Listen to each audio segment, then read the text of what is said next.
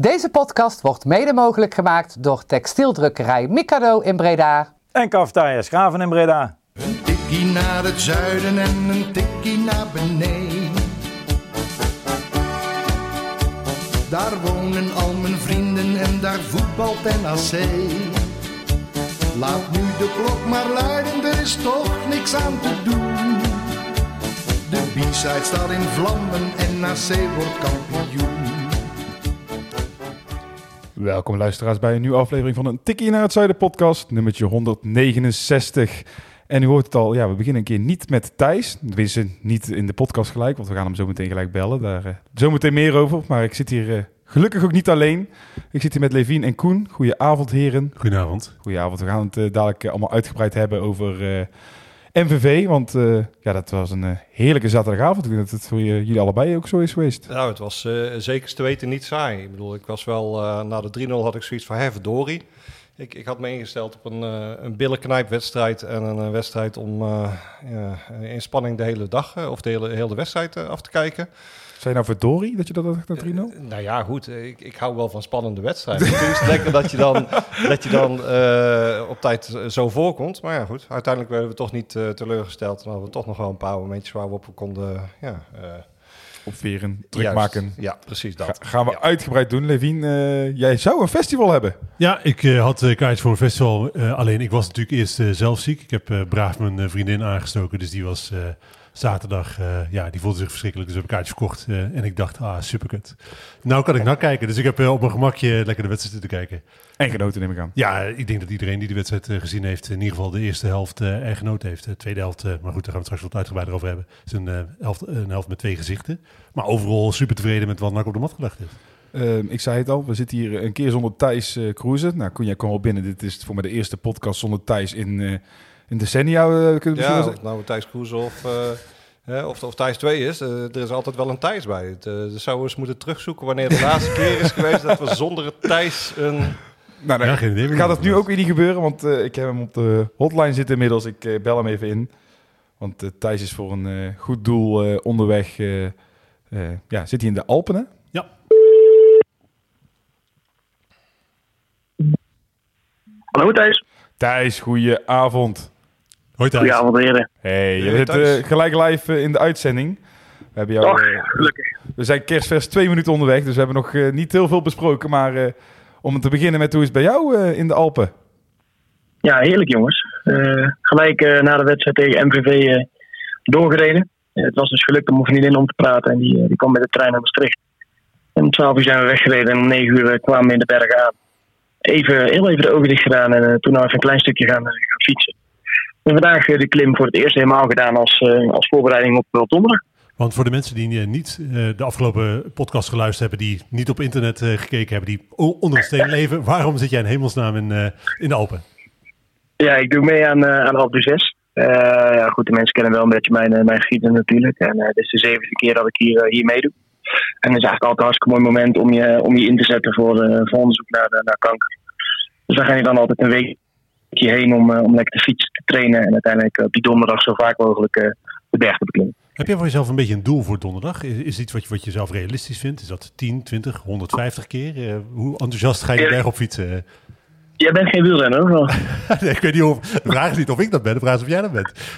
Nee, het, het, natuurlijk, het evenement heet Alpe 6 en dat het ooit bedacht is dat, dat je hem dan zes keer, zes keer opfietst. Alleen uh, dat is echt wel, dat is echt buitensporig veel, zeg maar, voor mijn uh, doen in ieder geval. Ik heb me als doel gesteld dit keer om, om drie keer te gaan fietsen.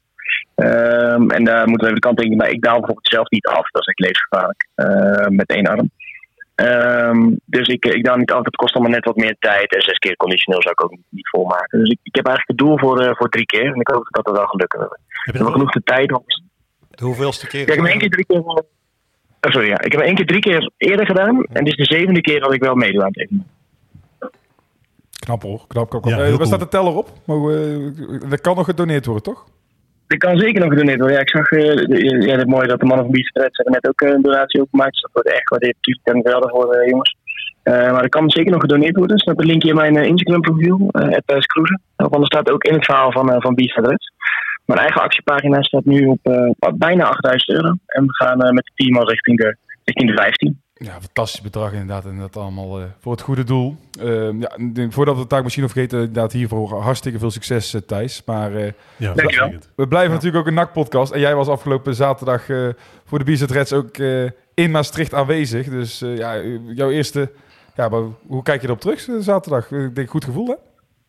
Ja, goed gevoel, maar toch wel ja, een klein beetje zuur naast. Maar ik hield ik er toen aan over. Eh, omdat je natuurlijk die twee schorsingen eh, te horen kreeg. Ja, ja, Kortsmit natuurlijk die iets ontzettend doms doet. Ik denk dat hij nog geluk heeft dat hij één wedstrijd heeft gekregen. Ja. Ehm, en natuurlijk McNulty die ook eigenlijk een hele domme gele kaart krijgt. Waarvan de trainer laat ook zeggen, ja, ik zei nog, doe dat nou niet in de rust. Hè, houd het kopje erbij, we zijn er al.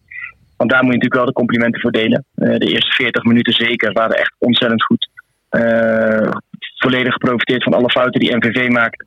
Eh, iets waar we best wel op ga, eh, gehamerd hebben het afgelopen jaar. Van joh, we maken die kansen niet goed af. Dat gebeurde nu wel. En je stond gewoon na 40 minuten op een hele comfortabele 3-0 voorsprong. Ja, dat- Ja, goed, dat, dan, eh, dat hij dan een rode kaart krijgt. Ja, dat is natuurlijk, vind ik, echt debiel. Want hij, is net, hij heeft net een enorme waarschuwing gehad. Ehm, en ja, dan is het natuurlijk leuk. En dan ziet het er grappig uit dat Jort van der Zanden moet keepen. En, en gelukkig doet hij dat dan ook nog wel aardig. Maar een beetje pijnlijk vond ik dat wel op dat moment. Ja, tuurlijk. Je zegt toen eh, dat je zaterdag wel echt daar nog van baalde. Dat klinkt ook wel een beetje alsof dat nu al wat minder is. Ja, wat minder, omdat ik ook wel, ik bedoel, ik zie die oproep op Twitter ook wel. En, en het was ook echt een hele duidelijke boodschap die die mannen van die ballen mee hadden gekregen. En die ballen zelf ook gaf van, ja jongens, eh, het is nou helemaal zo, we moeten vooruitkijken. En Van der Merwe moet maar gewoon gaan keepen. Ja, nu zie je op Twitter ook dat iedereen zegt, ja, laten we maar gewoon gaan steunen. En inmiddels, misschien komt dat door de, door de hoge lucht hier of de, of de positiviteit die hier hangt. Maar eh, inmiddels denk ik ook, ja, laten we hem maar gewoon steunen. En, eh, en zing die jongen maar gewoon toe op het moment dat we het veld opkomen. En laat hem, laat hem maar bewijzen. Eh, we, we kunnen toch niet meer omdraaien. Ehm, en achteraf ben ik wel heel blij dat we gewoon die wedstrijd makkelijk hebben, hebben gewonnen. Ja, je hebt die gasten inderdaad na afloop gesproken, zeg je ook al. Nou, die hadden één duidelijke boodschap voor jou. En dat was in ieder geval Pepijn's ja, eh, vertrouwen, het vertrouwen geven. Wat was het vooral Ja. de sfeer die er naar de hand hing... voor de mensen die de interviews eh, nog niet bekeken hebben?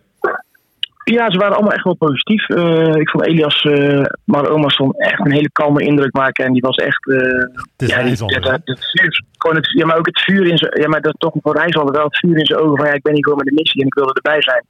En ik wil die doelpunten maken en ik wil NAC naar de Eredivisie helpen.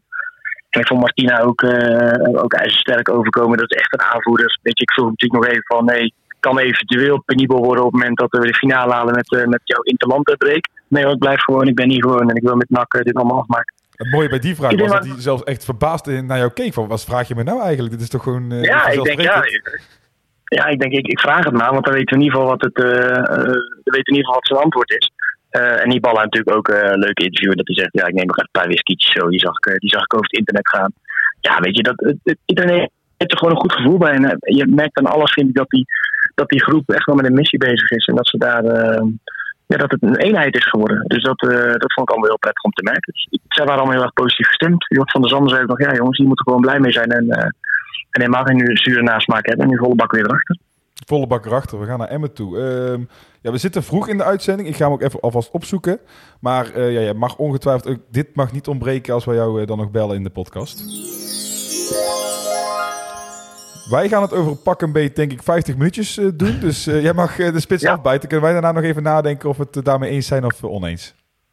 Ja, het wordt eh 0-0, 1-0, à la 2017. en de doelpuntenmaker is dan Elias Mar Omarsson. Kijk. En met dat goede gevoel en met die herinnering in ons achterhoofd gaan wij dan op naar Emmen dit weekend. Ja, op naar Emmen. En jij eh, op eh, naar eh, de hoge top eh, van de Alpe d'Huez. Heel erg veel Ja, succes. goed. Ja, veel succes, jongen. Dank jullie wel. Succes Thijs. met de uitzending daar en eh we houden contacten. Wij spreken elkaar snel. Groetjes. Goedjes. Hoi. Hoi.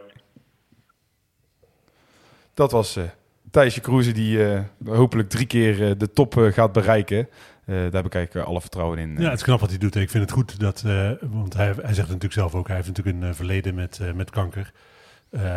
Heeft natuurlijk ook mensen verloren in zijn omgeving. eh, eh, dus dat je dan op zo'n positieve manier inzet om eh, ja, onderzoek mogelijk te maken, het mogelijk te maken dat mensen niet hieronder lijden in de toekomst, vind ik bewonderenswaardig. Ja, het is prachtig. Ik bedoel, ik heb vandaag ook weer een, van een maatje van me te horen gekregen dat zijn moeder die, die vreselijke ziekte heeft. En dan, eh, dan zakt de grond weer onder je, onder je voeten vandaan. Dus eh, ja, gewoon heel erg fijn dat, uh, dat Thijs Hiesema meedoet. Dat hij zich zo fantastisch inzet. En ja, iedereen zal daar hopelijk wel een steentje aan kunnen bijdragen. Dus ja, geef gul. Gaan wij het verder over NAC hebben, inderdaad, wat eigenlijk al met Thijs ook uitgebreid gedaan hebben. Daar was er inderdaad, hij zei, er is wat aan het groeien. dat groeien, dat zagen we eigenlijk ook terug in Maastricht. Want ja, binnen ja, in de eerste helft sta je al op 3-0 voor. Je zegt een comfortabele voorsprong. Ja. Uh, jij zegt, ik zag hem niet aankomen. Ik reken op een spannende wedstrijd. Levin, ja, ik kan me niet voorstellen dat jij het uh, anders had. Nou ja, het is uh, waar ik, waar ik uh, maar dat heb ik eigenlijk al deze hele playoffs. Dat is natuurlijk makkelijk praten nu, omdat die wedstrijd erop zit. Uh, maar deze eerste ronde, daar heb ik eigenlijk niet echt over getwijfeld dat, dat we door zouden komen. Tegen uh, Emmen en de finale, als we die eventueel halen, is een heel ander verhaal. Dat zijn voor mij gevoel echt 50-50 wedstrijden. Maar ik heb hier eigenlijk geen seconde getwijfeld over of we het zouden halen. Dat je dan op zo'n manier doet, ja, dat is natuurlijk wel indrukwekkend. Ja, zo'n manier. Maar uh, dan ja, pak je de 1-0 en de 2-0 erbij. Die wil ik even een beetje samenvoegen. Is het dan uh, de klasse van NAC dat ze die fouten afdwingen? Of krijg je gewoon die 2-0 in je schoot geworpen? Ja, de 1-0 krijg je sowieso in de schoot geworpen. Dat was echt gewoon een blunder van de keeper. De 2-0, ja goed, daar is het Bazouzi die, die prima doorzet en net die bal toucheert. Uh, waardoor hij precies bij, uh, bij Omerson terechtkomt. En dan speel je het verder gewoon goed uit. Maar um, uh, het is niet zozeer vanwege het spel van NAC dat ik zelf zo bedenken had om uh, over deze wedstrijd te twijfelen. Maar het is eerder, ja, gewoon je gaat met een 1-0 daar naartoe en je weet het nooit hoe die play-offs lopen. Als je bekijkt naar het begin van de wedstrijd, je hebt voor de 1-0 heb je al twee hartstikke goede uitgespeelde kansen. Eerst met Garbet en daarna nog een keertje met uh, de 1-2'tje tussen Jort van der Zanden en, en Banzuzi. Die Banzuzi eigenlijk binnen had moeten schieten. Dus ja, ik, ik, uh, je, ziet dat ze eigenlijk niet alleen in de omschakeling en uh, uh, in de via het gegenpressing kansen kunnen creëren, maar ik vind dat ze eigenlijk voetballend er ook meer doorkomen als dat eerst het geval was in het begin van het seizoen.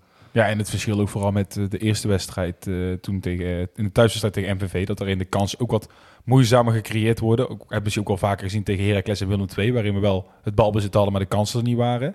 Maar als ik het nu het verschil aan pak, is dat echt puur Omerson? Nou ja, voor een groot deel wel natuurlijk. Uh, als je ziet uh, de, uh, die 1-0, die ba diepe bal van uh, die overigens heel goed was. Ja. en het gemak waarmee hij hem over de keeper legt. en het verschil, als je dan naar de thuiswedstrijd kijkt, we hebben het daar ook vorige keer over gehad. Velanas totaal ander type spits. En het spel van NAC is heel erg op een type als Omerson afgestemd. Waarbij Jort van der Zanden in zijn kracht komt. Waarbij je diepte in je spel hebt. Waar ook je middenveld meer kan leveren dan het op andere momenten kan. Dus ik, uh, het verschil is voor een heel groot deel Omerson, zo simpel is het. Ja, je ziet het zelfs, zelfs bij de 3-0, uh, dat Omerson in principe ook gewoon links de hoek in wat in gaat. En daardoor de ruimte creëert voor de rest van de, van de aanval. Die overigens over de vier, alle vier de middenvelders loopt. Hè. Garbert die, die zorgt met druk voor dat de bal veroverd wordt door Aguziel. Die geeft de bal op Vet, die geeft de bal op Bazouzi. Doelpunt. Ja, het, uh, fantastisch doelpunt. En daarom ja. was het zo grappig, want ik las vandaag een artikel in BN De Stem... Uh, waar iets, iets in stond over ja, de kritiek na uh, NAC en VV op het stadion. ik denk, oké, okay, die kritiek volgens mij was jij, Jadran. Ja. Voor, voor de rest helemaal niemand. Plus iedereen die uh, de rest van, het, van de tweede helft van het seizoen gezien heeft, weet dat als je met Omerson speelt, dat het een heel ander verhaal is dan wanneer je zonder Omerson speelt. Dus dat vond ik uh, erg vermakelijk om te lezen. Nee, en ik vond het middenveld echt uh, ook uitstekend functioneren. ik, blijf, ik vind ze steeds meer complementair toch wel aan elkaar vinden. Je kunt het roepen over wel of geen creativiteit, maar als je gewoon een Arugiel die ineens doelpunten gaat maken en dat een assist gaat leveren, of in ieder geval rendement krijgt, ja, dan is het gewoon complementair aan elkaar. En kun je ook met een vet spelen die de, ja, als bewaker speelt op het middenveld. We hebben het vorige week over gehad, hè, waar, waar dan een beetje onze twijfel lag met betrekking tot het middenveld wellicht. Dat het uh, was die uh, onvoldoende zijn uh, kansen af zou maken, geen echte afmaker was. Nou, die scoort meteen. Uh, die wellicht niet zo goed aan de bal zou zijn, die meteen aan de bal zijn meerwaarde laat zien. Dus het is de uiteindelijk is een team natuurlijk meer, als het goed is, dan de som der uh, delen. Meer dan alleen de individuele spelers bij elkaar. En een team van NAC in deze samenstelling is dat absoluut. Dan uh, is het echt meer als geheel dan het uh, afhankelijk, onafhankelijk van elkaar is. Het wordt 3-0 voor Banzuzi. en ik sta te juichen en ineens zie ik 22... Ik zat zelf in het uitvak. Ik zie ineens 22 man van het veld aflopen. Hadden jullie al vrij snel door van... er is hier iets wat, wat er aan de hand was? Nou ja, als je het ziet gebeuren, dan weet je wat er gebeurd is. En dan weet je ook vast wel dat het weer één, één bekertje geweest zal zijn. Nou, en ja, zodoende. Ja, ik zat zelf in het uitvak. Ik heb het bekertje ineens zien vliegen. En dat, ja, natuurlijk ben ik euforisch, maar ik heb ook echt wel naar het veld gekeken. En ik heb echt niet voorbij zien komen. Dus daarom dacht ik ineens als nog dat het bij thuis vak zou gebeuren. Ik, oh, dan, als dat gebeurt, dan vrees ik dat er ook nog een heel snel een tweede gaat komen. Maar Ja, het is wel een moedeloze regel aan het worden. hè? Ah, weet je wat het lastig is? Eh, je leest dan direct eh, reacties als ja, hersenloze dit, hersenloze dat. Ik denk, ga weg. Eh, natuurlijk, hè, laten we even geen twijfel over bestaan. Op, als je 3-0 voor staat in zo'n wedstrijd, moet je ten koste van alles voorkomen dat die wedstrijd door, door jou toedoen stilgelegd wordt. Het is idioot als je ervoor zorgt dat die wedstrijd ge- stilgelegd wordt. Eh, dus dat moet je hoe dan ook voorkomen. Maar het feit dat die wedstrijd om zo'n reden stilgelegd wordt, is nog veel debieler. Het gaat helemaal nergens over. Eh, Maurice van Steen, die sneaky probeert dat dekentje uit beeld te halen, zodat, zodat die wedstrijd maar niet gestaakt wordt. Geeft aan, dit was, hij, was niet, hij is niet eens in de buurt van een speler geweest. Nee. Eh, Maurice van Steen en Ben trouwens, die daarnaast zat, onze eigen fotograaf, zagen er alles behalve geschokt uit. Zagen er totaal niet uit alsof ze midden uit een oorlogszone kwamen. Er was niet zo heel van de hand. Daar Nee. moet je gewoon geen wedstrijden voor staken. Dat, dat is gewoon niet nodig. Nee, ja, je hoorde eigenlijk na afloop de reacties nadat je bij Thijs ook de interviews eh, ging luisteren, hoorde je eigenlijk, ja, Hiballa, niemand wilde er eigenlijk iets over zeggen, maar als je tussen de woorden door eh, ging Niemand- luisteren, dan wist je wel genoeg. Niemand wil, zijn, eh, wil zich eraan branden om te zeggen van ja, het is kolder dat hier zomaar eh, een wedstrijd om gestaakt wordt. Omdat we allemaal maar gewoon correct willen, willen meegaan in, in het verhaal van de KNVB. Ja, en dat blijft gewoon een beetje een, een rare situatie natuurlijk. Maar eerlijk is eerlijk, weet je, je komt 3-0 voor.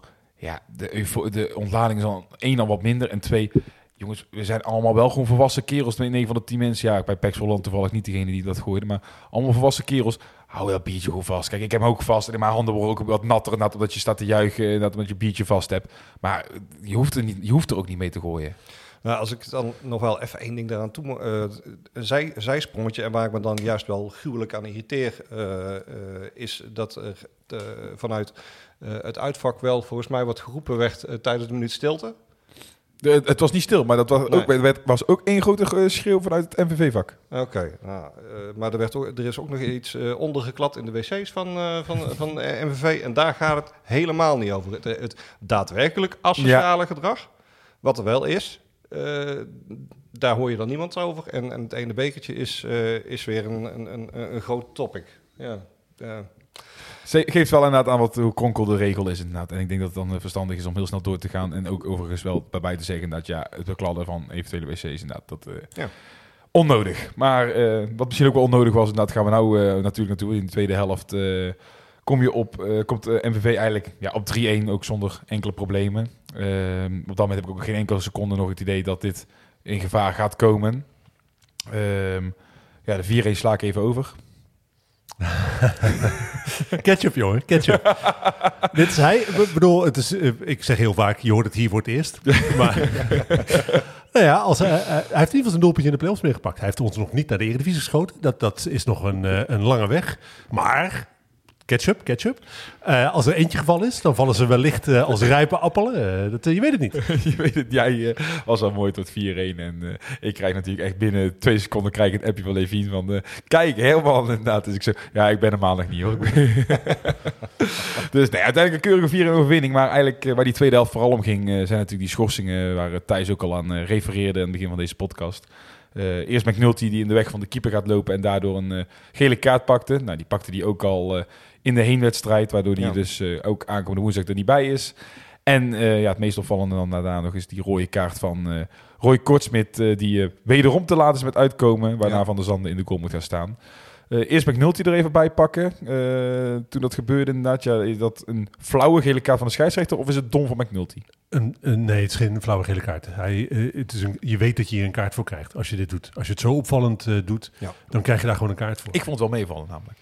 Ja, maar het is gewoon een kaart, toch? Ja. Je mag daar niet over klagen als je die krijgt. Maar hoe ver, hoe, in hoeverre loopt hij nou echt in de weg? Of, Nou ja, houdt hem actief tegen. Ja. Ja.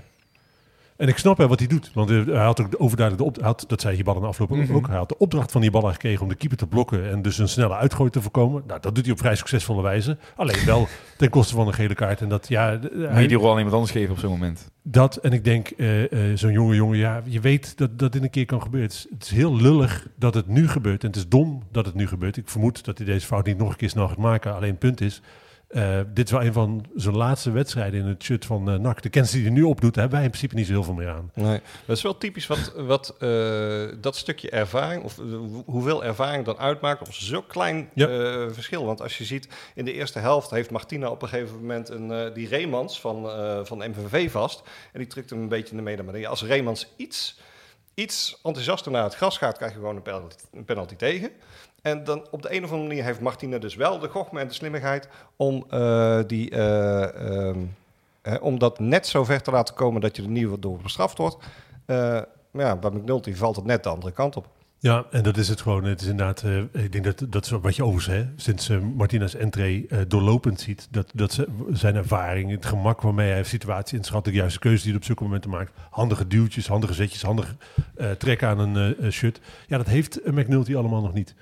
En uh, dus hè, het, je, betaalt, je betaalt nu als club leergeld voor de ontwikkeling van een jonge jongen. En dat hoort bij zijn ontwikkeling. Het is op dit moment alleen wel heel lullig, want je gaat hem echt missen tegen uh, uh, Emmen. Want ja, daar naartoe gaan inderdaad. Even komen ze op de, uiteraard ook nog op die kortsmit, uh, de codekaart voor kortsmit. Maar eerst dan op McNulty verhaal. Veldhuis gaat hem vervangen. Dat kun je denk ik wel invullen. Ja, daar baal ik zelf een beetje van. Ik, ik vind Veldhuis gewoon niet zo'n hele goede verdediger. Dat, nee. ik had... Ik, je moet, hè, dat, net zoals met Pepijn van der Merbel, je moet de jongens die gaan spelen vertrouwen geven. dus bij deze, ik van het Veldhuis, ik hoop echt van harte dat hij een wereldpot speelt. Maar dat is het grappige, hè? Je zegt, je moet die jongens vertrouwen geven. Maar het feit door het te benoemen van, we moeten die jongens vertrouwen geven, dat geeft toch al eigenlijk al aan van, ja, we hebben eigenlijk geen vertrouwen in jullie, maar we geven jullie wel vertrouwen. Dat is eigenlijk, het, zo erg benadrukken is toch al, nee, zegt er al genoeg over. Het is de, de harde realiteit. Er is simpelweg een groot verschil tussen de kwaliteit van onze basiself uh, en uh, wat er op de bank zit. En voor een aantal posities is dat verschil niet zo heel groot. Ik denk, hè, als je naar het middenveld gaat kijken, dan kun je daar simpelweg op tactische gronden echte keuzes maken. Maar achterin in het doel, ja, heb je simpelweg niet zo heel veel te kiezen als het op echte kwaliteit aankomt. Nee, klopt. In principe heb je daar zo één versterking gehaald uh, de afgelopen tijd die, uh, die daadwerkelijk enorm veel impact heeft gehad. Uh, je zou eigenlijk willen voor de komende wedstrijd dat, dat Danny Bakker nog een, paar wedstrijden, een paar weken extra ritme op zou hebben gedaan. Dan zou je met dat centrum zou ik een stuk geruster slapen. Ook, ook al hoop ik inderdaad net zo goed dat Veldhuis het hartstikke goed gaat doen. Ik acht die kans alleen niet zo uh, groot als wanneer bij, ja, bij, bij een fitte Danny Bakker bijvoorbeeld. En het probleem is dat je, dat je twee man mist. Als je alleen kort met of alleen McNulty had gemist, had ik het minder erg gevonden. Maar je moet nu in een verdediging die de laatste weken echt heel goed stond, waar, waar we het blok uh, Vet, Martina en McNulty best wel geroemd hebben. Uh, daar, daar, je moet daar nu in die as van het veld best wel wat fundamentele dingen aanpassen. En ja, ik wil het nog wel zien. Ik heb er vertrouwen in dat uh, iedereen uh, 100% gefocust en gemotiveerd is. Alleen je levert gewoon simpele kwaliteit in op dit moment. Kanttekening, uh, Veldhuis naast Martina. Oké, okay, het waren wat hachelijk momentjes. Maar tegen Telstar bleef dat ook relatief overeind. Ja, ja, goed. Ik bedoel, die jongen moet het woensdag voor ons gaan doen. Dus ik ga hem hier niet afzitten zeiken. Maar, maar eigenlijk hij, nog niet overtuigd. hij heeft nog niet overtuigd. Dat is zo, zo nee, is maar je, je, moet ook gewoon eerlijk zijn inderdaad. En dat, dat klopt. Uh, ja, Kortsmit dus ook geschorst. Uh, je ziet hem komen. En ik denk dat dan niet drie man... Uh, ja, dan misschien wel een 19.000 man in Breda. Als je zegt, ja, daar gaan we. Ja, en dan wordt er wel gezegd van... oké, okay, je moet slimmer zijn in zijn doel blijven staan. Ik denk op het moment dat je keeper bent... Ja, jij kan er beter over oordelen dan ik, hè? Dat, nou, wel, maar je dat, gaat... Dat, ik zou niet aan mijn andere teamgenoten vragen. als je gaat, ik bedoel... En, en Komen da, dan ga je op, op adrenaline en op instinct ga je gewoon niet de bal toe. Ja, en dan... Uh, ja, dan gebeurt er dit. Ja. Ja, maar een ezel stoot zich nooit zeker aan dezelfde steen. Exact, en dit is ja. een ezel die ze tamelijk snel, uh, uh, heel hard aan exact dezelfde steen sloot.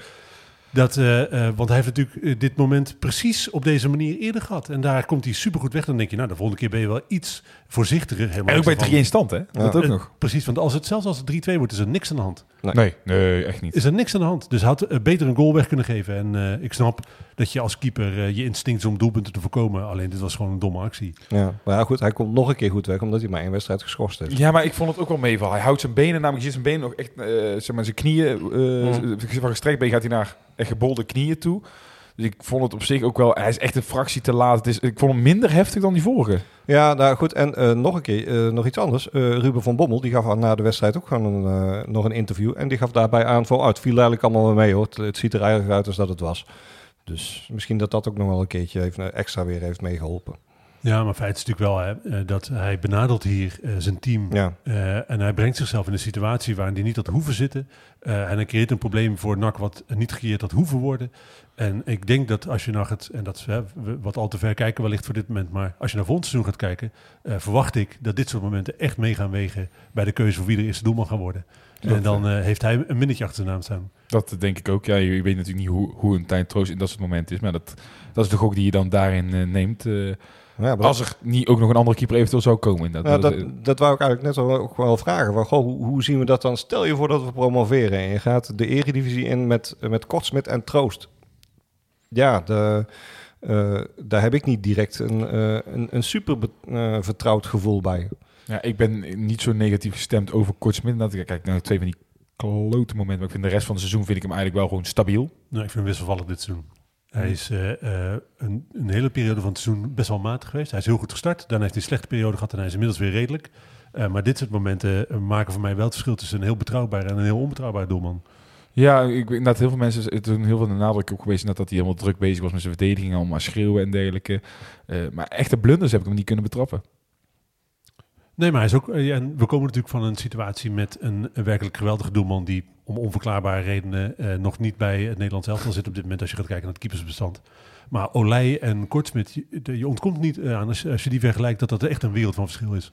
Dat eh Olij een heel andere uitstraling heeft, veel stabieler is, veel scherper is dan eh Kortsmit. En goed, het is nu maar één wedstrijd die hij mist. Hij, als hij de drie daarna de sterren van de hemel keept, ben ik de eerste die hem van harte feliciteert en een ongelijk toegeeft. Maar op dit moment ja, vind ik hem een onbetrouwbare schakel in ons elftal. Ehm daar gaat Van der Meijbel gaat hem vervangen woensdag.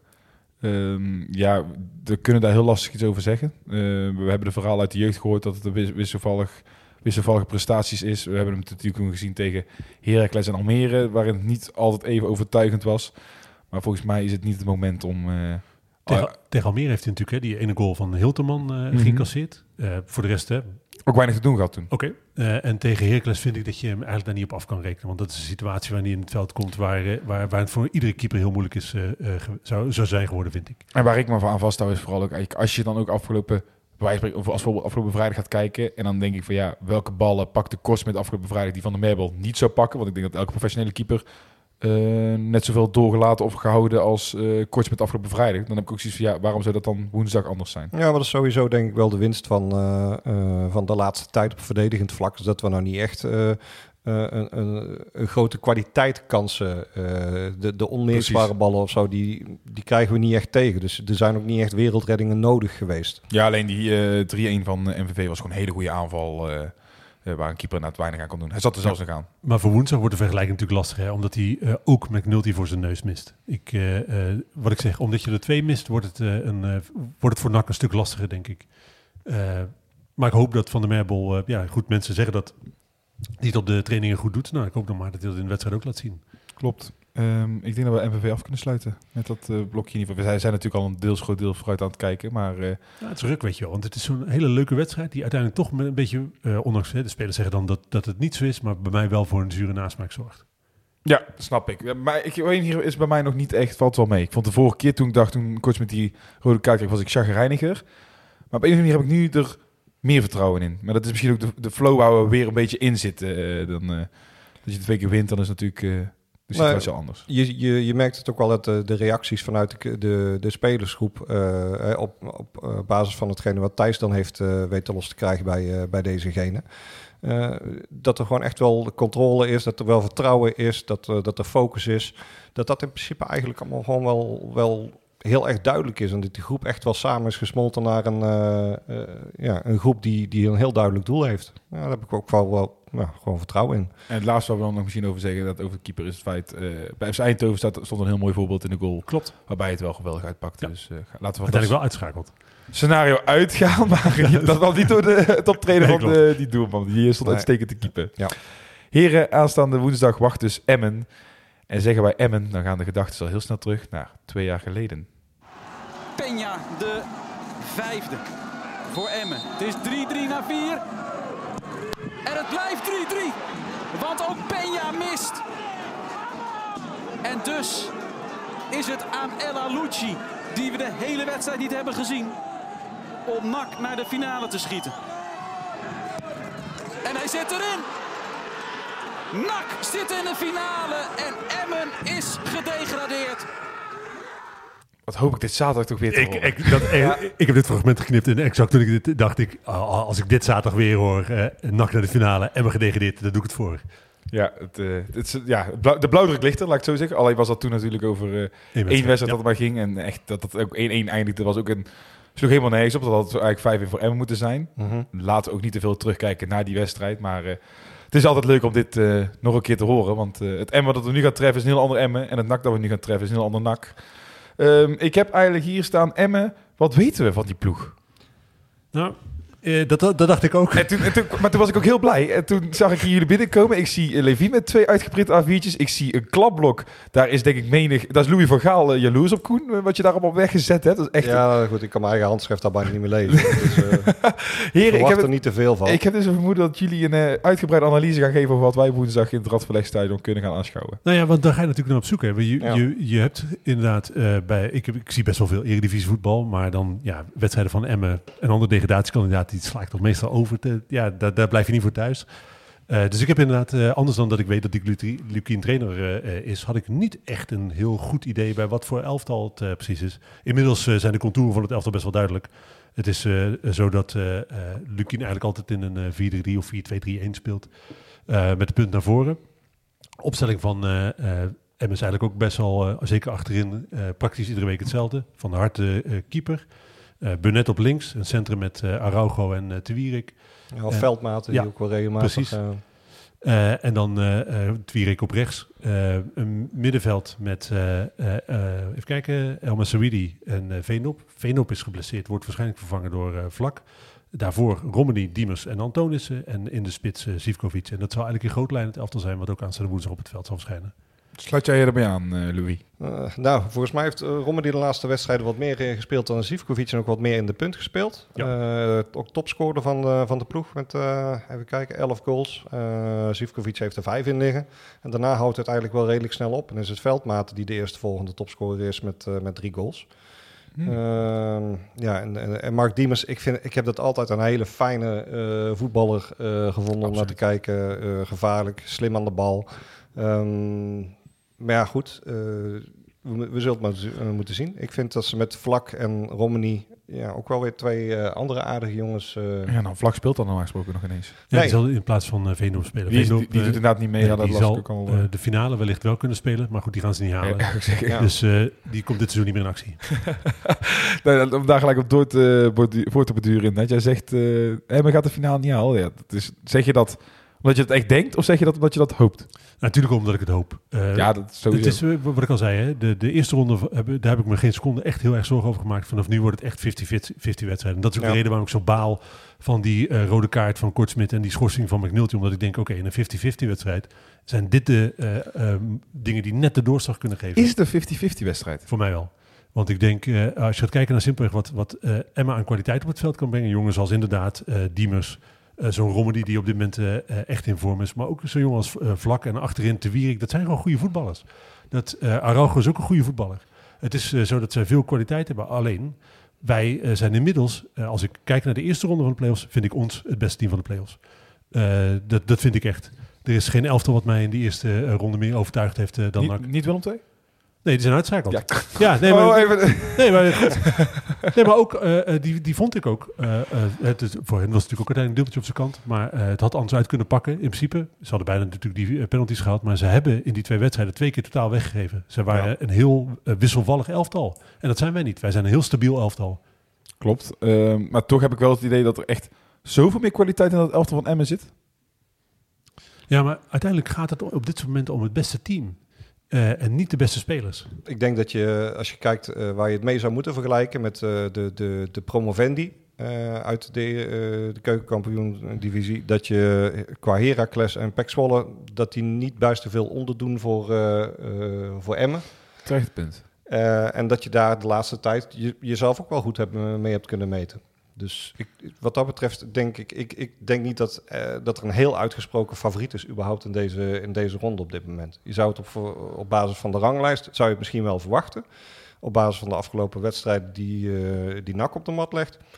ja, ik wil het nog wel zien. Ik, eh, ja, we zijn absoluut niet kansloos. Nee, maar het is wel heel moeilijk om een inschatting te maken van de kwaliteit van Emmen op dit moment. Want als je kijkt naar het programma wat ze de afgelopen periode gehad hebben, was zo onwaarschijnlijk lastig. Ze hebben gespeeld Ja, tegen eh, Twente, AZ, Feyenoord, nou, naar Utrecht uit. Daarvoor eh, nog een wedstrijd tegen Heerenveen. Nou, eh, daarvoor tegen Ajax. Ze hebben eigenlijk alleen maar goede ploegen getroffen de afgelopen periode. Die wedstrijd tegen Heerenveen hebben ze al gewonnen. Nou, de rest daaromheen verloren. Dus je kan niet, als je puur naar kijkt naar hun prestatie op dit moment, denk je, oké, een van de laatste zes wedstrijden gewonnen. Nou, dan zal het niet heel goed gaan. Maar het zijn wel vijf wedstrijden die je tegen hele goede tegenstanders verliest. En waarin je eigenlijk, ik heb wel wat fluiten van die wedstrijden gezien, eh, waar eh, Emmen eigenlijk nooit echt kansloos was. Nee, en dan is het wel gevaarlijk. Dus dan kun je ook wel gaan veronderstellen dat het heel wat moet gebeuren. Want NAC eh, even gemakkelijk gaan winnen. Dat, dat is sowieso niet natuurlijk. Maar in de zin van ook niet dat je daar een, ehm, even een ruime voorsprong kan wegzetten om mee naar Emmen te nemen. Nee, voordeel is wel dat het een team is Emmen wat in principe niet super makkelijk scoort. Ze hebben volgens mij in eh, 34 wedstrijden 1 of 32 keer gescoord. 33. Drie, ah, nou, 33. Eh, en wat op zich redelijk wat, eh, wat goals incasseert. Dus in principe zouden met een elftal als wat NAC heeft, wat, wat inmiddels toch best wel op een solide verdediging, met daarbij de kanttekening dat we dus niet zo solide zijn als Mhm. anders, eh, en een heel gevaarlijk aanval speelt. Klopt. Ja, ze hebben inderdaad behoorlijk wat goals ge geïncasseerd de afgelopen tijd. Wat mij nog wel opviel is dat eh Emmen wel twee derde van hun doelpunten in de tweede helft altijd heeft gescoord. Dus kennelijk zit het conditioneel en, en nou, mentaal. nou, daarop aansluiten, daar hoor ik Ja. een heel ander verhaal over. Ja? Als je een beetje bij Emmen een beetje, uitga, een beetje gaat kijken, schijnen die echt naar eh 70, 80 punten al helemaal op zijn. Ja? Ja, dus daarom verbaasd met deze statistiek. Ja, eh, ik, ik, heb, hem, eh, ik heb hem van net voor de podcast nog eventjes, eventjes eh, wat, eh, wat gekeken. Want ook tegen eh, Utrecht gisteren, nou, dat speelden ze met 50% ongeveer ter A-ploeg. Eh, maar het zijn er inderdaad echt in de, ja, vanaf de 60, 70 minuut dan ja, stort het in is overdreven. Maar dan krijgen ze echt allemaal fysieke klachten. En je zag nu ook, net zelfs tegen 10 man van Utrecht, kregen ze nog een eh, goal tegen. Dus je ziet toch inderdaad vaak bij hun dat het eh, conditioneel eh, het af laat weten. En ze zijn kwetsbaar in, bij dode spelmomenten. Eh, ze kregen tegen Utrecht ook weer twee goals uit dode spelmomenten tegen. Dus daar, eh, daar liggen mogelijkheden. Ja, alleen moet ik zeggen dat ik eh, van de dode spelmomenten van NAC dit seizoen nog niet heel erg onder de indruk Goed, ben. Dus de, de- eh, ik, ik zeg, ik geef puur de theorie. De Ja. praktijk zal woensdag moeten blijken. Molhoek, hè? Molhoek zijn taakje. Nou, er kwam nog een corner in, tegen Os herinneren. Die eh, fantastische variant. eh van ook de laatste corner ja, die we gemaakt die, hebben. ja, ja, ja, ja. Als wij eh, advies zouden moeten geven overigens aan eh Hiballa, hij heeft natuurlijk zelf met eh Lokhoff die wedstrijd tegen eh, Utrecht zitten kijken. Dus hij zal beter inzicht hebben in eh, de, kracht van Emmen dan ik dat heb. Dan is het echt wel zo dat eh, Diemers en Romani in principe wel de mensen zijn Ja. op wie je echt moet focussen. Ook als je gaat kijken naar de statistieken dit seizoen van het aantal, aantal spelers, of spelers waarop het grootste aantal overtredingen gemaakt is. Zij staan Romani en Diemers op nummer 2 en 3 van de, van de algehele ranglijst. Er worden op weinig spelers zoveel overtredingen gemaakt als die spelers. Wat veel zegt over hoe vaak ze aan de bal zijn. Ja, dus eh daar kunnen we weer elkaar erbij gaan schrijven. Want om daarin ook even kort even aan te halen dat Joey Coy eh, gaat fluiten. Dat eh, is nogal een topic. tenminste, maar dan maakten wij ook een topic van. Ehm, is dat een dingetje dat jullie zeggen, ik wil het eerst nog maar zien? Of is dat al iets waar je echt aan denkt van, ah nee hè? Ja, dat dacht ik wel in principe van, oh, verdorie. Maar toen dacht ik van, ja, volgens mij ligt iedereen overhoop met, met Joey Coy. En krijgt hij overal wel de, de wind van voren. Dus als hij... En toen ben jij ook uit gaan zoeken, toch? Eh, nou ja, goed, wat me wel opviel, is dat, eh, of wat ik tegenkwam, is dat Dick Lukien zijn enige gele kaart als trainer heeft gekregen van Joey Coy. dus ja, kunnen, ja ik, eh, ik denk dat, dat, het, ja, dat het uiteindelijk niet zo heel erg veel zal uitmaken. Ik vond trouwens wel de afgelopen twee wedstrijden dat we uitstekende scheidsrechters hebben gehad. De, de eerste twee tegen, tegen, tegen MVV. Dat, ja, daar was ik wel, ja. Klopt. Daar heb ik ook meerdere ja, mensen over gehoord die daar zeer tevreden over waren. En hè, voor uh, aanstaande woensdag is het wel zo dat op het moment dat Kooi een waardeloze beslissing neemt en het stadion uh, uh, tegen zich krijgt, dan is het wel een perfect ingrediënt voor een heet avondje nak. Je kunt Ja. het ook positief bekijken natuurlijk. Dat doe ik uh, met, met liefde en plezier. Precies, uh, inderdaad. Eh, we spelen eerst thuis, dan uit. Is dat tegen de Eredivisie-ploeg een voordeel of een nadeel? Ik denk dat het in algemene zin een nadeel is om de uh, eerste wedstrijd uh, thuis te spelen. Je kan beter thuis eindigen, denk ik. Ja, maar ik vind wel met, met de schorsingen vind het fijn dat we de eerste wedstrijd ja. nu wel thuis hebben. Dat, uh, dat zeker wel. Ja, ja. eens. Het is, uh, je kan ze beter thuis missen dan uit. Nee, er, er zijn theorieën dat mensen zeggen tegen een Eredivisie-ploeg is het juist lekkerder om eerst uh, thuis te spelen. Ja, we hebben daar goede ervaringen mee natuurlijk. Hè. In eerste instantie met, uh, met NEC destijds ja. en, en, uh, en vorige keer tegen Emmen. Dus, uh, Ze speelden ja. één keer uit, hè? Nou ja, maar dat is, dat is goed gaan, toch? Ja, ja ze eindigen uit, om zo te zeggen. Ja, zo kun je het inderdaad zeker bekijken. Uh, ik ga hem alvast ingooien, jongens. Want uh, we hebben nog meer onderwerpen uiteraard. Maar om het kopje Emmen? Of heb, staat jullie blaadje nog helemaal vol met allerlei eh, statistiekjes die eh, de Ja, luisteraars ik, moeten kan, weten? Ik kan zo lang over statistieken praten als jij wil, maar dat is niet per se nodig. nee, daarom. mee. Ik zelf het, eh, Nee. vergeet wij het onderwerpje. Ik heb verder nog wat andere mensen opgeschreven die ruzie hadden met eh, Joey Coy. Dus eh, dat, eh, laten we daar niet al te veel Spannende namen tussen? Eh Maurice Stijn. Je verwacht het niet. Eh, zijn de kaarten binnen voor woensdag? Ja, zijn binnen. Kijk, klasse jongens. Dan eh, ja, gaan we voorspellen. Eh, Koen, ik begin bij jou.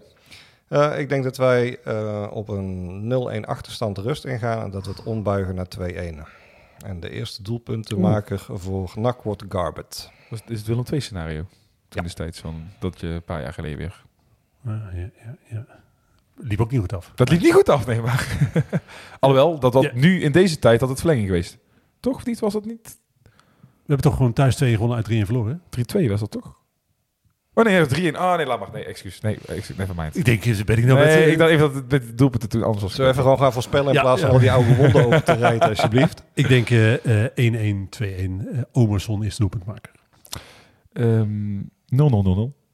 Oeh, dat is wel een lastige eh, uitslag om mee naar de Emmen te gaan. Ja, maar ik heb een vermoeden. En eh, ja, we hebben net al best wel positief gepraat dat, we dat Emmen dat het een goede ploeg is, maar dat het 50-50 is. En toch heb ik het idee dat NAC ehm, blij is als ze nog in het tweeluik zitten na woensdagavond. Ja, maar Door, ook door die schorsingen natuurlijk. Maar oké, want eh, op zich, hè, dat was de, de, eh, wat, wat iedereen eigenlijk direct na afloop van die wedstrijd zei, zowel van de zanden als die ballen eigenlijk, oké, weet je, we gaan er niet lang bij stilstaan, focus op die andere wedstrijd. Denk je Mhm. echt dat die schorsingen zo zwaar ook voor die spelersgroep meewegen? Nee, maar je bent- ik vind, ik ben namelijk helemaal niet eens met 50-50. Ik vind ons echt underdog. En wat is underdog, als je het in procent uitdrukt? Eh 35, eh 65. Oké. Ik, eh, ik heb al een relatief hoge pet op eh, van Emmen, denk ik toch wel. Ik denk dat het toch wel een aardige ploeg is. Ondanks dat de signaal die ik hoor, dat ze bijvoorbeeld fysiek niet altijd even sterk zijn. Maar ik heb toch wel het idee als je die namen ziet, inderdaad, bijvoorbeeld een Araujo achterin ook en dergelijke. Gewoon eh, elke linie ook gaat kijken, dan aan kwaliteit echt, echt veel beter. En natuurlijk, jij zegt inderdaad dan het beste team moet je ook hebben. Nou oké, eh, laat ik niet... eh, weet je, uiteindelijk zitten we ook allemaal op gevoel te praten. Want we zeggen dat ook eerlijk. Nee, nee, nee, dit is 100% pure kennis bij mij. Ik weet Nee, niet bij jou ja, maar daarom zeggen allemaal van... We hebben de, is misschien wel de meest ingewikkelde ploeg van de Eredivisie. Want die- niemand weet wat, je, wat, wat bij Emmen loopt en wat er is. Maar ja, dus als dat gewoon wel gewoon een goed ingespeeld team is verder... Ja, ben ik echt bang dat je eh, echt de underdog bent. En dan denk ik dat je ook blij moet zijn als je gewoon nog met überhaupt een resultaat naar eh Emmen gaat. Maar dan zeg ik, dan ben ik de, de scorebord-journalist. en dan zeg ik, oké, eh eh, Yannick, alles leuk en aardig. Jij zit eh, Emmys op te hemelen. Ze zijn wel 16e geworden, hè? Het is niet zo dat zij eh, doorlopend overwinningen aan, aan ingeregen hebben afgelopen seizoen. Nee, maar wij ook niet. Nou ja, de laatste, de laatste periode natuurlijk wel. Maar waar, Precies, wij wat, zijn in de winning mood. wat, ik, wat, ik, wat ik interessanter vind is... Bij wie is de druk het hoogst? Voor wie, Emmen. voor wie Nee, staat dat- dat het meest op spel? Ja, dat, eh, dat lijkt me toch wel inderdaad ook wel Emmen. Maar hoe ervaren jullie dat? Want ik heb daar natuurlijk ook over nagedacht. En ik denk, ja, in principe hebben we dit, we, dit jaar is nog een soort van opbouwjaar. Volgend jaar moet het pas echt gebeuren. En dat, dat, dat zeg ik dan tegen mezelf. En dan, dan Nee, sta ik mezelf boven de spiegel uit te, uit te schelden. Want de idioot ben normaal van de pot gerukt. We moeten promoveren dit seizoen. Ik vind, vind dat de druk bij ons eigenlijk, in ieder geval bij mijzelf... eh ik heb je voor, voor de rest met het resultaat niet zoveel te maken. Maar bij mijzelf is de druk wel heel hoog. Ik, Ja. ik voel echt wel de noodzaak om dit, dit seizoen eh, te promoveren. Omdat ik denk, je zit nu in een flow. Je hoeft Ja, op die manier wel. Maar ik heb wel, ik, ik, heb gewoon dat respect. Ja, niet dat wij geen respect hebben, dat als je denkt dat het 50 is, maar ik heb ja, de angst misschien wel. Ik heb wel echt, ik, ik, weet niet wat ik van Emmen kan verwachten. En Emmen blijft dan toch de eredivisie ploeg en wij blijven toch de gehavende ploeg, eh, waarbij we ook niet moeten overdrijven dat wij zo ongelooflijk goed zijn, denk Maar- ik. Heel even. Nee, maar ik bedoel, ik, dit is ook voor een deel therapeutisch. Hè? Oh, zo. eh, als je gaat kijken naar de stand eh, van de KKD na januari, dan staan wij daar. Derde of zo? Precies. Je kan toch niet zeggen dat wij, wij niet in vorm zijn. Nee, klopt. We hebben, nogmaals, ik vind ons, eh, dat meen ik serieus. Hè? Maar van dat- de teams die ik de- in deze play-offs heb zien spelen, vind ik ons echt met afstand het beste team. Maar we waren wij spreken ook in vorm toen tegen in 2017. Ik was dat voorbeeld dan toch aanhalen. Uiteindelijk, oké, eh, moet je maar ook toegeven, we winnen wij gewoon met geluk 1-0. Ja, maar dat is, dat is het 50-50 element. Nee, dat is het geen 50-50. Dat, nee, dat, nee, want eigenlijk die wedstrijd, als je, terug, als je die nog negen keer speelt, verlies je hem. Nee, als je, ja, als je nog tien keer eh, speelt, dan verlies je hem negen keer. En dan is het dus eigenlijk geen 50-50 meer. Want NEC was toen ook tien keer beter. En was ook de Eredivisie ploeg die ook ineens eh, de na-competitie in moest. En ook totaal niet in de flow zaten. Dezelfde resultaten als Emmen. Ik bedoel meer, daar, daar zit voor mij het onvoorspelbare element, weet je wel. Je kan dus, je, ik kan nu zeggen dat het 2-1 wordt, dat hoop ik, maar dat kan ik niet beloven. Omdat er- nee, maar dat, er zit een onvoorspelbaar element in. Dat bedoel ik, daar zit het 50-50 stuk. En Dus wij proberen nu al 10 minuten iets eh, te voorspellen op basis van onvoorspelbare Ja, zeggen.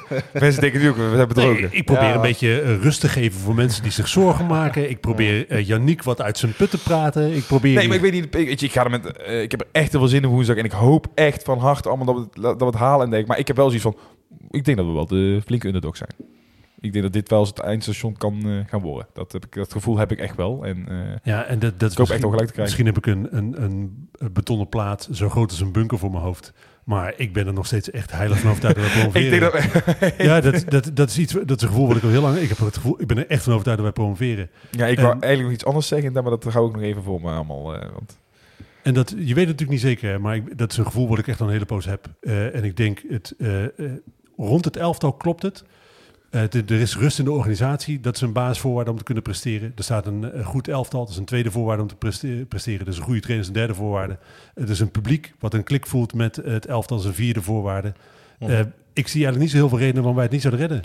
Er zijn eigenlijk in principe wel nu on, echt uitstekende voorwaarden geschapen waaronder dit zou, zou moeten kunnen gebeuren inderdaad. En, en ik, ik snap ook wel eh, de, de, het idee dat er dan misschien meer druk achter zit eh, op het moment dat je nu niet promoveert. Dan is het maar de vraag in hoeverre dat je dat goede gevoel en die flow, dat je dat volgend jaar zo lang ook vast kan houden. Dat je continu bovenin meedraait. Precies, dat, dat denk ik ook. En het natuurlijk is het zo, je kan ook zeggen van oké, als het di- dit jaar niet lukt, hè, die baasvoorwaarden, die kan je voor een deel natuurlijk hoe dan ook meenemen. Want een deel van het elftal blijft natuurlijk gewoon zo staan. En je op eh, onderdelen waar, waar het elftal nu nog niet klopt, kun je, omdat er zoveel spelers vertrekken, heel erg bijsturen. Ja. Dat is natuurlijk zo. En het is natuurlijk wel zo, het feit dat wij, eh, we zijn niet voor niets de eerste seizoen zelfs veertiende geworden. Dat, eh, dat, dat, we zijn niet opeens op alle opzichten een fundamenteel ander elftal geworden. Er zitten nog steeds zwakke plekken in ons elftal. Alleen Ja. qua teamsfeer en dergelijke klopt het zoveel beter dat ik ons echt een hele grote kans toedicht. Dan moet ik wel ook daarbij, eh, los van of we wel of niet promoveren, denk ik dat we op het moment dat, eh, dat we naar versterking aan het kijken zijn, dan denk ik dat Peter Maas echt wel een, eh, ja, een hele fijne technisch directeur is. Want als hij eh, de andere poppetjes ook zo goed kan invullen als dat hij in de laatste transferwindow heeft gedaan, dan, ja, dan, dan zou het eh, toch wel een, eh, een hele fijne, veel, een fijne elftal eh, op gaan leveren, denk ik. Ja. En het is natuurlijk wel lekkerder voor zo'n eh, voor Maas om dat vanuit de Eredivisie te doen. Voordat we daar, daar moeten we nog een hele zomer mee gaan vullen. Dus laten we vooral dat gras niet al eh, weg gaan maaien. Eh, ik vroeg net al, dat, eh, was jullie kaartje binnen? Eh, dat was natuurlijk ook met eh, het idee dat het eigenlijk al zo goed als uitverkocht is. Hooguit dat er morgen om eh 12 uur, roep ik even uit mijn hoofd, nog kaarten vrij kunnen komen van seizoenkaarthouders die eh, niet gaan. Nou, laten dat er een eh, paar honderd eh, maximaal zijn. Ik weet niet hoe het bij jullie zat. Ik had een klein moment van pa- paniek. Toen ik zeg maar die, Wachtrij. die wachtrij zag, dacht ik, Ja. fuck, daar heb ik ergens overheen gelezen. Moet ik nu meteen mijn kaartje kopen? Nee, maar inderdaad, van überhaupt wachtrij. Dat, eh, Nee, kijk, ik heb hem echt pas eh, wat later op de middag heb ik hem eh, gekocht. eh, eh. Maar het geeft wel iets aan. Het feit dat die wachtrij er is, geeft aan over hoe Breda hunkert naar deze wedstrijd. En Precies. Dat is, eh, wat ik zeg, dat is een van de basisvoorwaarden om uiteindelijk die wedstrijd in je voordeel te beslechten. Ook de uitwedstrijd is in ieder geval bij NAC al uitverkocht, zag ik eh, voorbij komen naar de autocombi. Eh, de SV gaat, eh, roep ik uit mijn hoofd even, morgen ergens in de verkoop. Dat, die hebben even gewacht omdat in eerste instantie bekend werd inderdaad dat eh, ook niet-leden via de SV zouden mochten eh, bestellen. Maar dat eh, zei de SV, dat gaan we dus even niet doen. Dus die wilden echt dat ho- 100% duidelijk gecommuniceerd hebben dat inderdaad echt alleen leden mogen gaan voordat ze het eh, ja, pas online gaan gooien. Maar eh, heel even verwachtingsmanagement dan voor de mensen die eh, geen kaartje nu via die Outcard Plus of Club van 1912 uh, regeling Ja, dat is heel, wordt een heel lastig verhaal. Oké, Ja. dus de, voor de SV geldt waarschijnlijk dat de mensen die nu eh, eigenlijk het hele seizoen al standaard Ja, met, eh, met de SV meegaan, dat die een kaartje kunnen kopen. En dat er dus een paar kaartjes over zijn. Of geen, nul. Er, gaat in ieder geval, er staat op de site van mij staat er nou, nu eh, is er iets gecommuniceerd inderdaad en eh, daar eh, ze- ze zetten- daarna zal het verder duidelijk worden. Maar staat daar iets over al 7 uur heb ik het voor mij eh, gelezen. Oké, dan... eh, oké. Maar hadden we iets anders verwacht? Nee, nee, ja, weet je wat het is? Eh, ik, ik ben een van die supporters die dit seizoen eh, lang niet alle wedstrijden gegaan is. Ik, heb ik heb volgens mij vijf uitstrijden ben ik geweest. Eh, dat is natuurlijk een heel stuk minder dan eh, de bus 2 van eh, bus 1 en 2 van de SV. Die zijn er, mensen zijn er altijd. Eh, datzelfde geldt voor jongens van de Rad en dergelijke. Dat, dat zijn supporters die eigenlijk alle wedstrijden gaan. Ik vind het recht dat die mensen eh, eerder een kans krijgen om elkaar te komen dan ik. Uiteindelijk, Maar vorige het is wel keer... ruk. Ik weet, nee, maar ik weet dat Ja. MPV eh, heeft het acht minuten online gestaan. Dus heb je echt de tijd gehad om... eh, Oké, dus ik moet van op, op zes computers inloggen en dan... eh, Oké, Dan, eh, dus ik, ik deed keer heeft het acht minuten. Dus het valt ook wel mee in dat, dat je, zoals je ergens je denkt dat is, nee, dat is ook niet, eh, zeker niet eh, het geval. Maar eh, ja, en anders eh eh wordt het in de kroeg in Breda. Kijk, ik denk dat eh, de binnenstad ook aardig vol gaat zitten zaterdag. Nou ja, eh. dan is er een kans. Ik weet niet of ik dat al mag verklappen. hè. Dat ga ik gewoon doen. Dan, eh, nee, nee, nee, nee. Ja, nou ja, dan gaan we gewoon een matchkast maken. Die kans is uh. Want eh, dan zijn er eh, veel gasten die eh, eh, namens ons niet kunnen, die wel... We vinden het superleuk om met z'n allen de wedstrijd te kijken. Dan gaan we daar maar meteen omheen lullen. dat, eh, die kans is aanwezig inderdaad. En eh, hoe dat er eventueel uitkomt te zien. eh, Mooi. Wat waar wat Mooi. dat gaan doen. Zullen ongetwijfeld volle bakken communiceren dan eh, op de website. Eh, en dat, eh, hou dat eventueel in de gaten. Dat eh, kunnen jullie anders niet missen. Van de ene kaartverkoop naar de andere kaartverkoop. Want 26 mei om 5 uur stopte er ook een andere teller. En dat was de teller van de seizoenkaarthouder. Verlenging, de verlenging van de seizoenkaarten. Die is geëindigd op 11.381. En dat vond ik een mooi getal. Simpel gezegd. Ja, is ook een mooi getal. Het is, we hebben het daar vaak over gehad. Het is en bijzonder en helemaal niet bijzonder. Eh, ik vind dat je altijd moet focussen op het feit dat het eigenlijk heel bijzonder blijft. Dat het eh, eh, gek is dat je een club die al zo lang in de KKD speelt zo makkelijk uitverkoopt. Dat, dat is, vind ik, en dat, ik, ik ga dat nooit anders zien dan als iets heel bijzonders. Ook omdat het een klein beetje je eigen ge- gevoel van trots kietelen is. Hè? Ja. Ik ben als NAC-supporter trots als ik dat zie. Tot eh 12 juni blijft dit getal zo staan. Want we gaan, gewoon, we gaan promoveren. We hebben net al volgens Living geconcludeerd. Dus eh, tot die tijd is het niet mogelijk om een seizoenkaart te kopen, verlengen of eh, wat dan ook. Dat uh, verkoopschema, hoe dat precies in elkaar zit. Maar je krijgt dadelijk alsnog een paar seizoenkaarthouders die niet verlengd hebben, alsnog de kans te verlengen. En daarna gaat het, uh, krijg je verplaatsen en dan de vrije verkoop. Um, welke data daar verbonden zit, weet ik niet. Maar ik denk dat dat voor nu nog even aan ongeschikt belang is. Laten we eerst focussen op de play-offs. Ja, maar ik, ik, wat ik wel heel erg gaaf vind, en, en het is bijna schizofreen, maar in deze tijden waarin alles hartstikke duur wordt, mensen hun uh, centjes uh, aan, aan, ontzettend veel dingen en aan boodschappen en dergelijke kwijt zijn, dat je toch dit weg gaat zetten. En eigenlijk het feit dat uh, met de, de flow die er rondom de club is op dit moment, de losse seizoenkaartverkoop moet nog beginnen. Ja, daar ga je ook weer gewoon een, een flinke boost krijgen. En dan, dan, dacht ik me, toen ik hier naartoe reed, dan dacht ik bij mezelf van, hebben wij een maximum aan, uh, we hebben een maximum toch, Yes, aan, ja. aan seizoenkaarthouders. Ik weet niet hoe hoog dat, dat is. 14.000 op Zoiets. Ja, nou ja, goed. Is dat heel onrealistisch?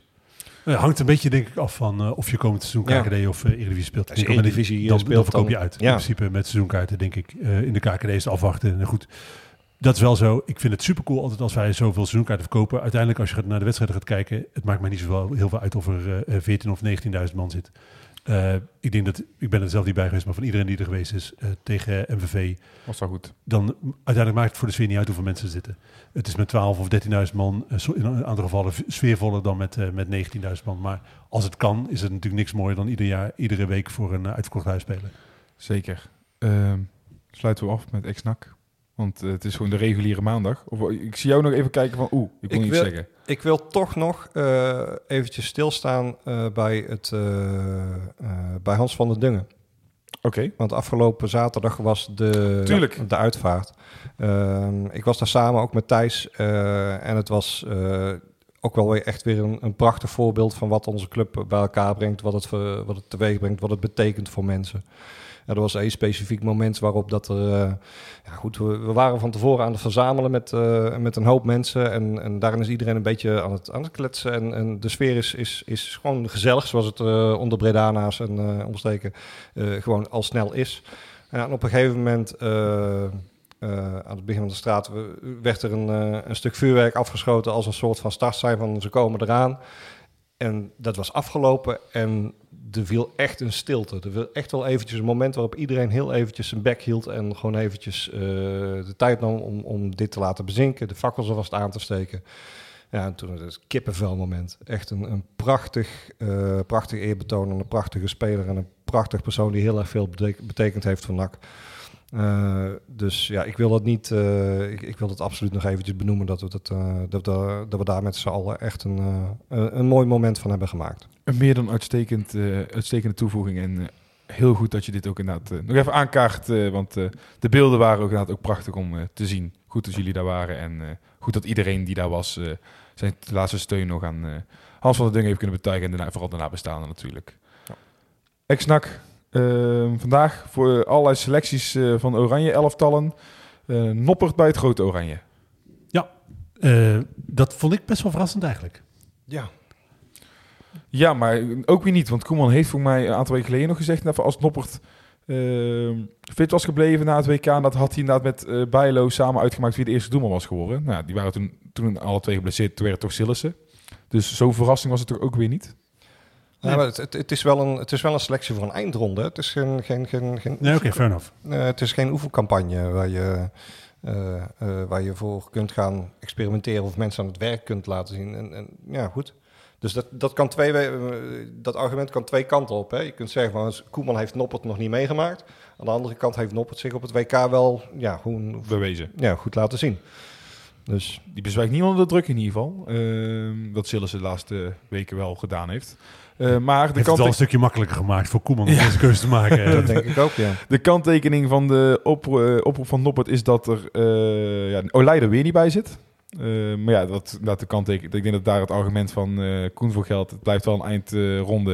het blijft wel een prijs. En om nou mensen eh, daar de kans te gaan geven, is ook niet helemaal eh, fair. Want Plus, we- voor, voor de mensen die dat niet weten, de, de selectie is nu voor die eh, Nations Ja. League eh, Final Four. eh. Klopt. Plus, ik moet ook wel eerlijk bekennen, ik vind eh Bijlo en Vlekken en dan Noppert inderdaad, denk ik dat die ook wel terecht nog wel boven Olij eh, uitgekozen worden.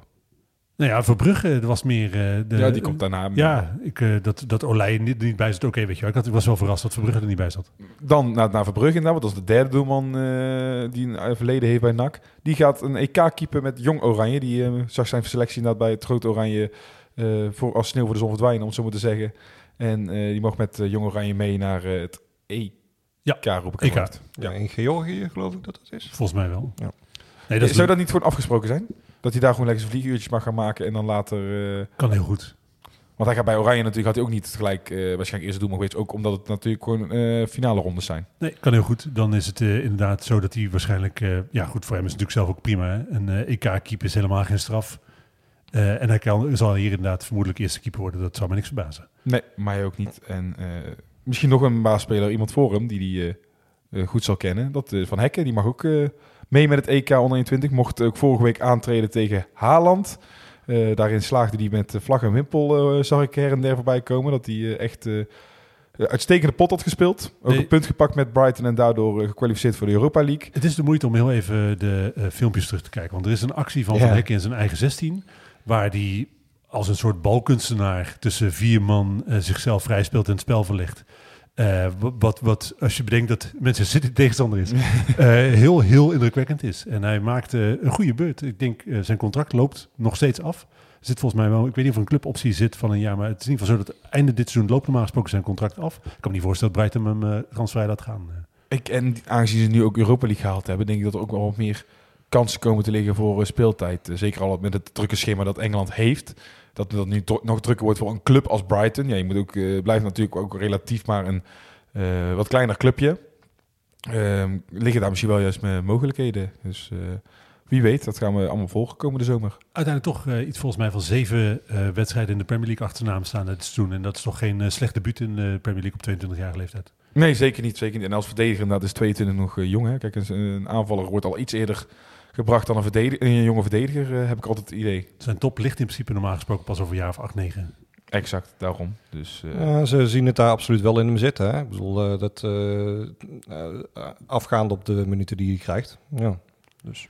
Zeg je je vinger opsteken? Ja, ik wilde nog iets zeggen dat omdat uh, bij Jong Oranje is natuurlijk Van Hoorn ook wel afgevallen. Ja, klopt. Ja, die had ik, uh, die had ik niet verwacht dan eigenlijk. Ik heb dat lijst drie keer doorgekeken en toen dacht ik, ah, oh, kut. Dat, uh, dus die gaat niet mee naar het EK. En Dallinga in uh, zijn plaats. Nee, ik sprak hem wel, wat is het? Uh, vorige week was het Heerenveen PSV, sprak hem even nog.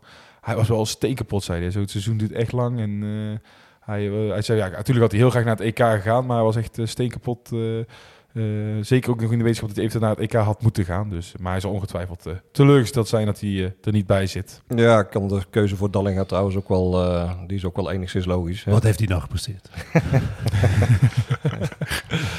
Eh, Arne Slot, werd bekend eh, langer te blijven.